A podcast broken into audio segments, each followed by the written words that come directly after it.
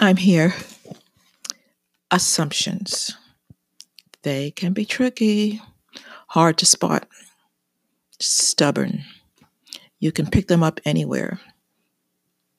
They can rub off on you. Assumptions are born out of our beliefs and what we absorb growing up in our families. I'm not saying they're all bad.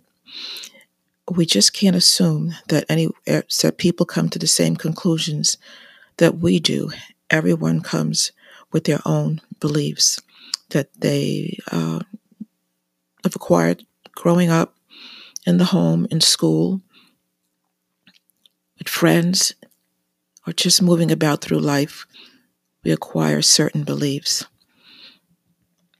A loose definition of assumptions are things we believe to be true without proof. We hope it will happen, we suppose it will happen. Assumptions in some ways are like fictions.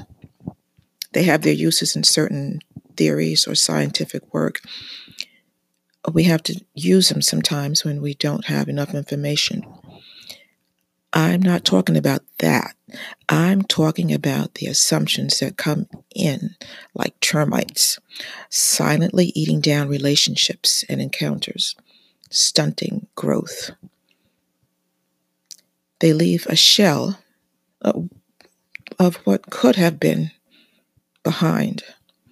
Assumptions are allergic to communication and clarity. Like Dracula's reaction to daylight, assumptions will wither in the face of questions. Certain ignorance, innocent or deliberate, are associated with assumptions. Don't assume that because someone grew up in the same neighborhood as you likes the same music, food, or books that they believe as you do, that's fine and fun. But if you are to enter into a deeper relationship, get clarity. Now, this is a stretch. Just go along with it for illustration's sake.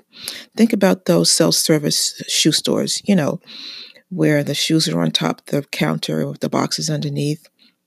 You might see a pair displayed and you like them. You grab the box, take it to the counter for the salesperson to check out. Now, the salesperson doesn't assume one damn thing. They open the box, look inside each shoe, outside each shoe, and then investigate the label on the box and look at the shoes again to make sure they're a match. No assumptions. Do that with your life. I thought we were.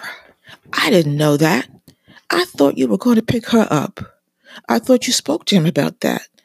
Weren't we supposed to? That's not what I thought we were going to do with the money. What usually finishes out these statements is an accusation, certainly a disappointment, maybe a shock that what happened was not as the other or each other expected no communication, assumptions. In conversation, assumptions can have you finishing off someone's sentence in midair, assuming you know what they're going to say. Assumptions cut down your ability to listen. You can hide behind assumptions and use them deliberately. Not sure of something, afraid of change. You want your own way, You will go about it knowing your partner, personal or business, does not agree. You say, I assumed you knew that. It lets you get what you want done and has the other feeling that it was something they missed. Assumptions can have you placing your responsibility on someone else. Now, assumptions grow in silence and dark places. They multiply in an environment that lacks questioning and discussion. I'll take it a step further and say that assumptions don't like curiosity. There's a lot of questioning and examination that goes with curiosity. Not good for assumptions. Goals and dreams require communication, clarity, and plans. People assumptions hate plans. Beware. Skull and crossbones here. If you sense this run for your life. Assumptions. Let's see. They actually don't really let you live your life the way you want to the way you should or could I should say they let life happen to you, happen on you, as opposed to you being a participant because you would have to make decisions, you would have to question, you would have to get clarity. And sometimes we go along to get along. There is a richness that has little to do with dollars and cents in any relationship whose base is in communication and clarity. Those relationships are easily spotted. A relationship like that thrives. There's a dynamic way about it.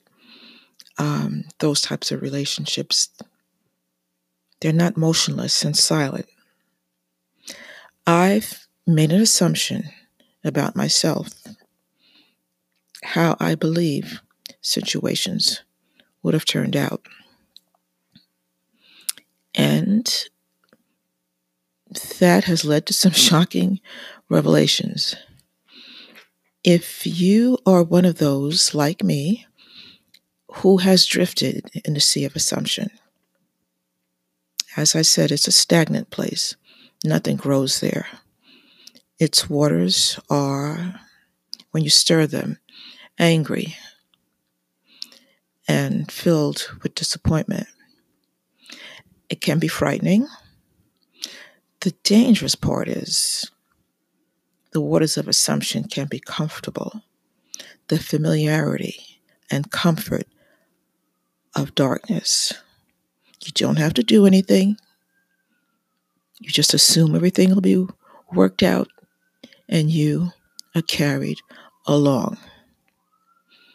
That can be lifeless,